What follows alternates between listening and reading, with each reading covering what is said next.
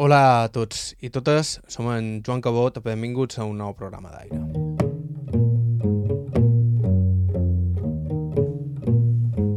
La setmana passada moria Pep Marroig.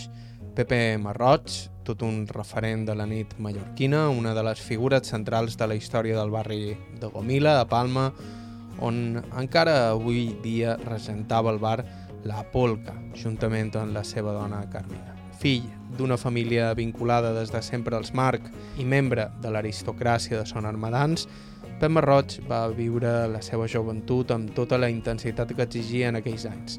Va sobreviure l'heroïna, el càncer i la sida, i no varen ser poques les ocasions en què els seus amics el varen donar per mort. Yo hice lo que toda mi generación. O ibas para sacerdote, que no tenía yo vocación, o ibas para chico malo. Ell va ser Chico Malo i el vàrem entrevistar el 2021. Volíem recordar-lo avui en un programa especial a la seva memòria. Estau escoltant Aire a IB3 Ràdio, us parla Joan Cabot, començam.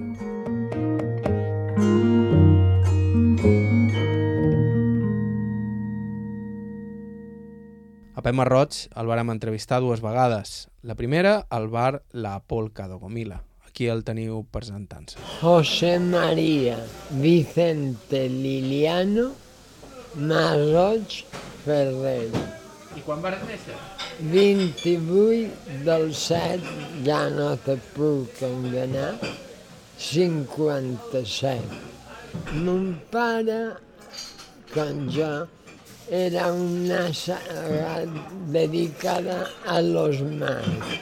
Mi abuelo, presidente, y estuvo yendo a Cuba y tal. Mi padre, igual, pero ya no sicario, porque mi abuelo empezó, mi abuelo empezó siendo eh, sicario de, lo- de Enverga, ¿eh? y haciendo para él de custodio o de guardia de la fábrica José Jenner, que eran unos puros muy buenos, en Pinar del Río, Cuba. Y, y mi padre ya era más señorito, entró fácilmente y yo me dieron las preguntas. y claro, mi madre era valenciana y co- esto es gracioso, y como su padre entró en la cárcel por decir que Keipo de Llano era un borrachín, cosa que todo el mundo salía. Le encerraron. Entonces le enviaron a Mallorca encerrado y en Mallorca alquilado la familia en cura. No tenían para pagar en Palma. Y mi padre iba a cobrar el alquiler allá y mi madre era guapa hasta decir basta. Muy guapa. La seva família formava part d'una casta acomodada, una nova estirp de mallorquins incrustada a la cúspide de la classe empresarial i financera del franquisme. Muy acomodada porque en la calle del bosque, el edificio amarillo que está enseguida a la izquierda, donde Juncosa era inquilino, Baiget era inquilino, era de mi abuelo. En el centro de Palma, en Arzobispo Aspargo, era de mi abuelo. ¿Sabes la calle de las Meadas que está al lado de Titos? Aquello da a tres chalets viejos, de los cuales había, creo que eran dos y dos, dos de mi padre y dos de los Segura. Y en fin, mi padre vivió muy bien, pero en aquellos tiempos vivir bien incluía ser putero. Sortia per la finestra, perquè ma mare li donava però sa mare, doña Teresa, estava ojo a visor. S'havia d'escapar per sa mare quan ja tenia 40 anys aquest tipus de societats que a Mallorca sempre ha estat així. Mi padre era, había heredado, o sea, mi abuelo era sicario, pero no tenía conciencia. Porque aquí tú sabrás que todo lo que don Juan hacía estaba bendecido por los obispos, por los políticos, en fin, el pago el dragón rápido y tal. Y mi padre hizo alguna escaramuza de contrabando, pero mi, eh, padre entró en la banca mar y ya entró de señorito. Y yo, a mí mi padre me dijo, Pepito, tengo a los dos mayores estudiando en Barcelona. ¿Sabes qué me cuesta? Y cuando me lo dijo, le dije lo que quieras i me quedé en Palma. A Sant Francesc, aquí per Montesión, Sant Francisco i La Salle després. Mm -hmm. I eres bon estudiant? Jo, sí. La veritat és que sí. Fins a tercer de dret. I ho vas deixar? Sí, perquè estava en el banc, els dobbers m'entraven fàcil i la meva època sí que hi havia drogues. Jo això com a un tema de llibertat, però, ojo, perquè mon pare, que tota la seva vida havia estat d'esquerres, entre comilles, quan va veure que, se, que un fill seu, que és un, alt, un germà meu, el van anar a plegar la frontera, ficant hachís. Quan jo me vaig enganxar, que jo me vaig... I destape, tot això. El destape era per, per ells, no pel poble. I això, eh, mon pare va dir això, no, jo som de dretes, ja està. Ha gent que té reparos, jo no. Jo vaig estar enganxant es, enganxat en el cavall un coeo d'anys. I després a la coca. O salta de dia i comptava, no perquè venguessis tu, no pensava que... però d'haver 10-12 anys.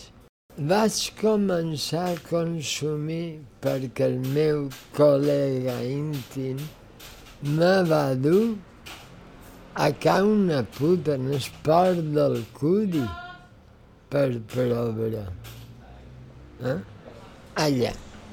Y dije, joder, eh, esto es el nirvana. Esto flota. Després va venir Sida, jo vaig agafar VIH i allà me vaig plantejant a, a Barcelona a un, a un puesto públic. Mon pare pensava que això era un càstig. Era com un càstig i que això jo havia de passar puta.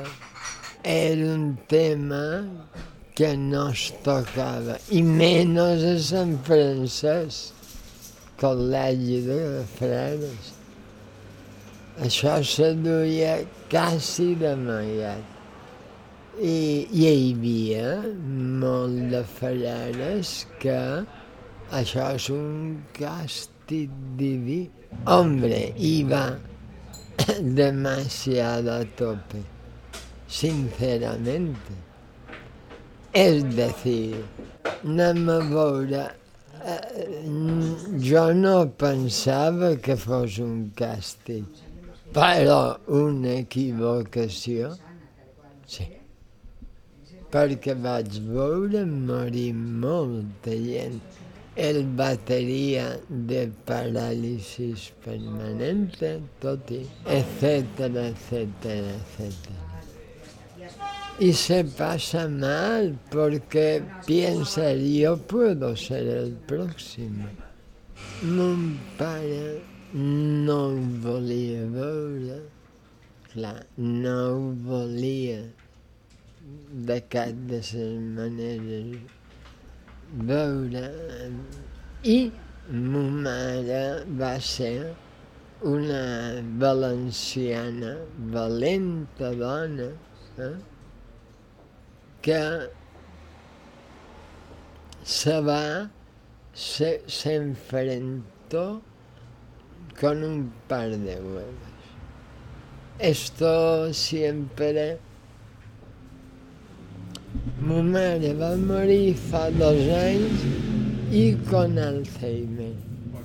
Jo vaig passar molt malament perquè jo què sé, ya para estos. Lo único es que sido y esto me daban tal descontrol que me veía en un espejo y decía, coño, ¿y quién es este? Y me lo acepta. Però coca, ne per els fins fa deu anys per aquí i per aquí. I per aquí has d'estar loco, perquè... Uf. I com vas deixar les drogues? Pues bastar anar allà.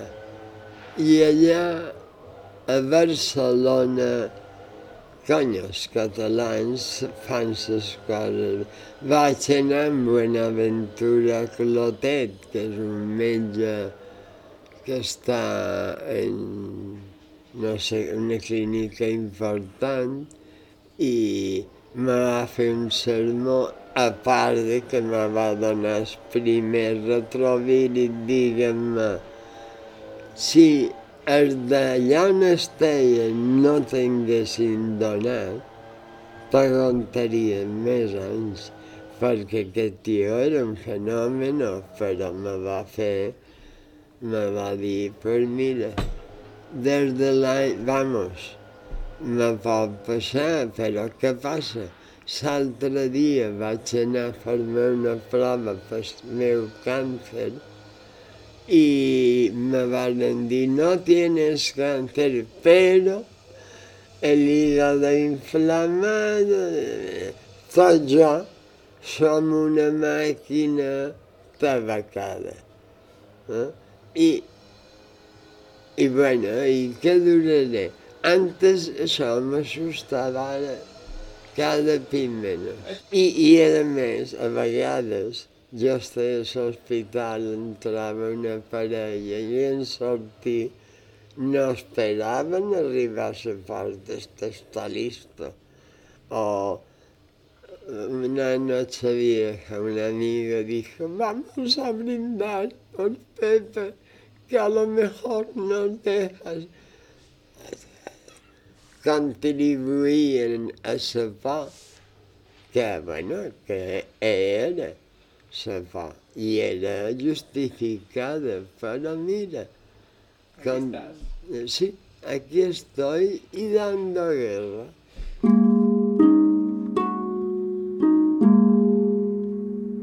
passen la segona entrevista que li varen fer aquest cop a casa seva, a Cala Major, que Pep Marroig ens va parlar del primer cop que va provar les drogues dures. Jo va ser, això no s'olvida mai, a Camp Picafort, a camp que jo coneixia i a mans del meu millor amic, que en el qual mai li es... Jo ja tenia 20, 22, o sigui, joder, eres libre y esta paz, este nirvana, esto, esto dices, coño, esto es la hostia.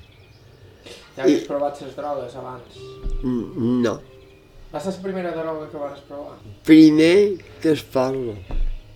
Que això demostra que no es té jo d'escap. Me vaig haver d'anar. Ningú me va dir, eh? perquè jo era qui era i a la banca mai era net de que el meu I pare... anaves a fer feina. Claro, però un dia me va ficar dins el bany eh, de la vileta de Banca Mar era, vaig anar de director, que era el més jove d'Espanya. Vaig estar en Drasses, Salines i la Vileta. I a la Vileta hi havia un cabroncete que va arribar a obrir la porta i va muntar un show. I ningú me va dir se'n va ir, però me'n vaig ir. D'aquí sabeu la cap estrana, jo no he anat mai, perquè no m'ha fet falta, vaig anar, això sí, a Barcelona, un puesto gratuït.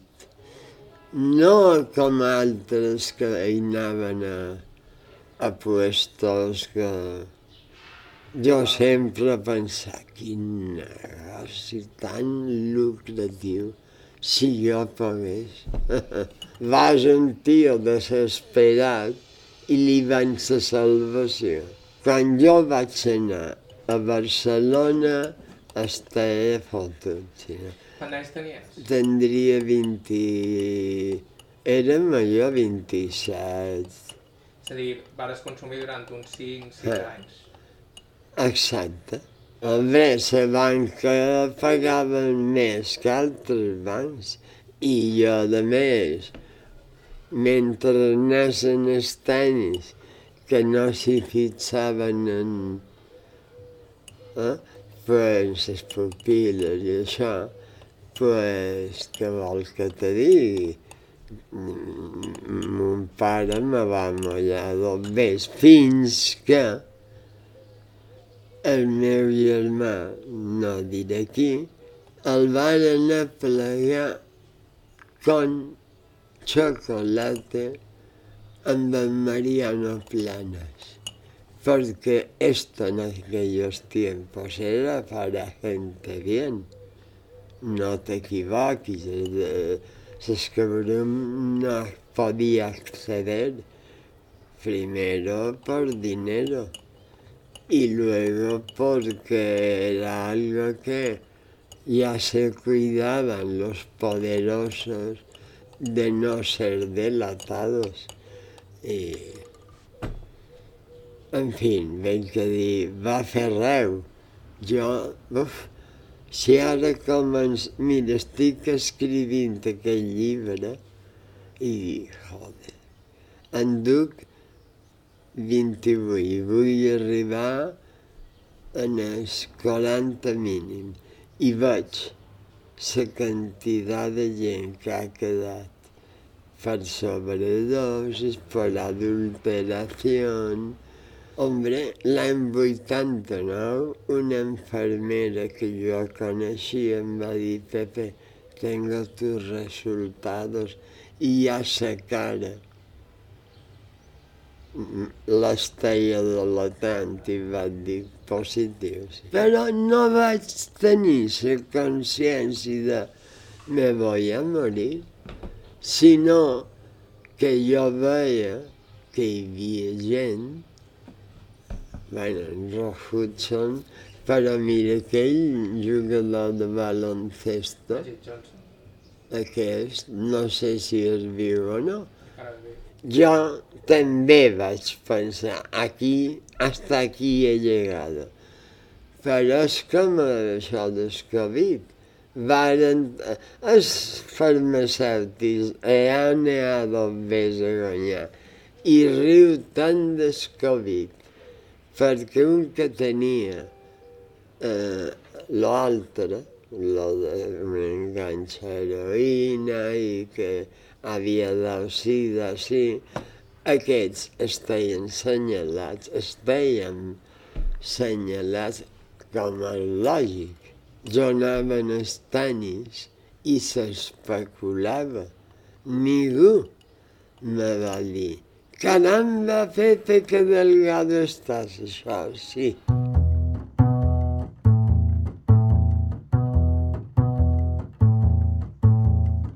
Testimoni dels anys més frenètics de Gomila, la polca seria el darrer en una llarga llista de locals en què ha treballat o dels que ha estat propietari. Pot ser el més famós d'ells, la discoteca Babels. Vaig tenir el baix, el primer que es deia en el punt de Sant Pere, sortint de, de, de, de Terrassanes, una costa també va, malament.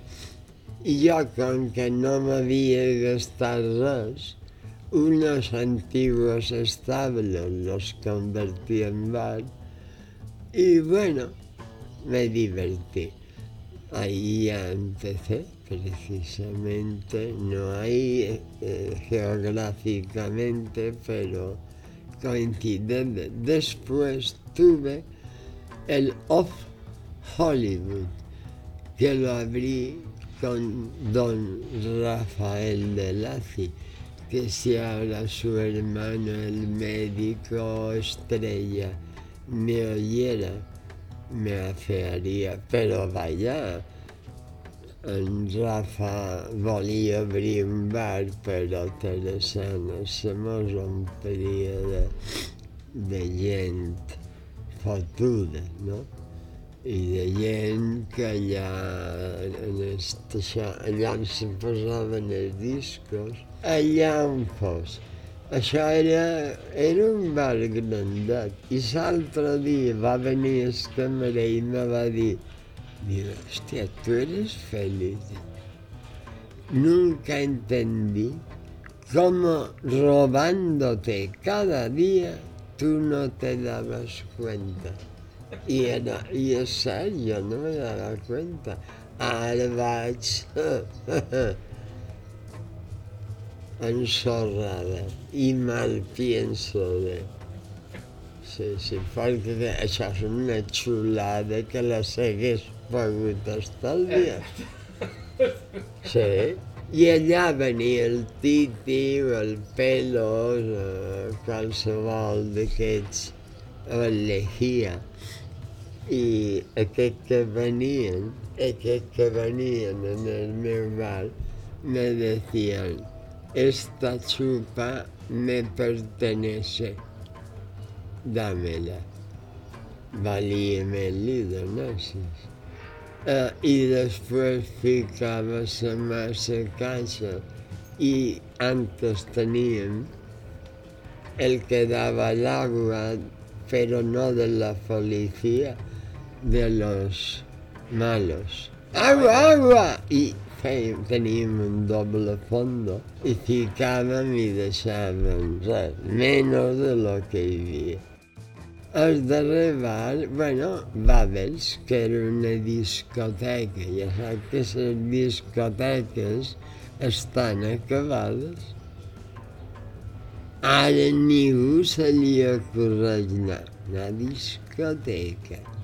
Visquent a Mallorca. Un puesto tancat i, i matxacón.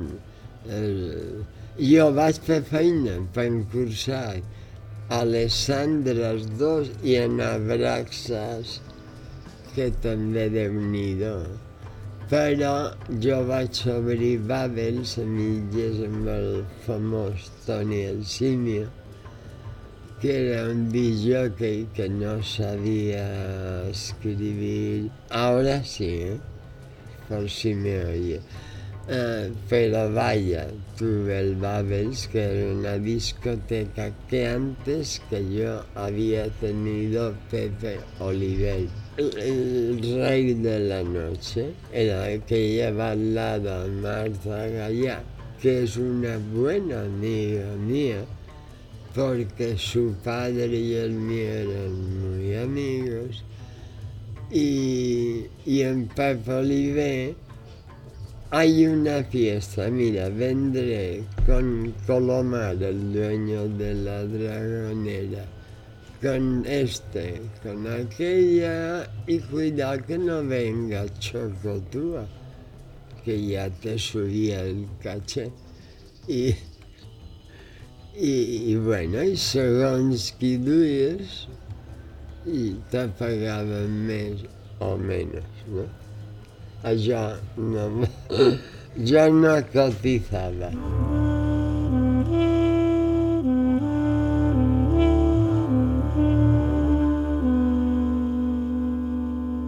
I fins aquí el programa d'avui. Va ser un autèntic gust entrevistar Pep Marroig en el seu moment li desitjam un bon viatge.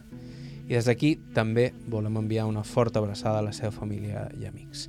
Si ens voleu enviar alguna proposta d'entrevista, ens podeu escriure un correu a aire.ivetraradio.com Us podeu subscriure al podcast del programa a qualsevol dels agregadors disponibles i a ivetres.org barra carta hi trobareu tot el nostre arxiu. La música que feim servir habitualment és de Joshua Abrams, Marisa Anderson amb Jim White, Jaume Tugores, Helena Barchi amb Johan Bertling i Andreas Berlin i Charles Rumbach. Bàrbara Ferrer a la producció executiva, us ha parlat Joan Cabot, gràcies per ser a l'altre costat i fins la setmana que ve. Mm-hmm.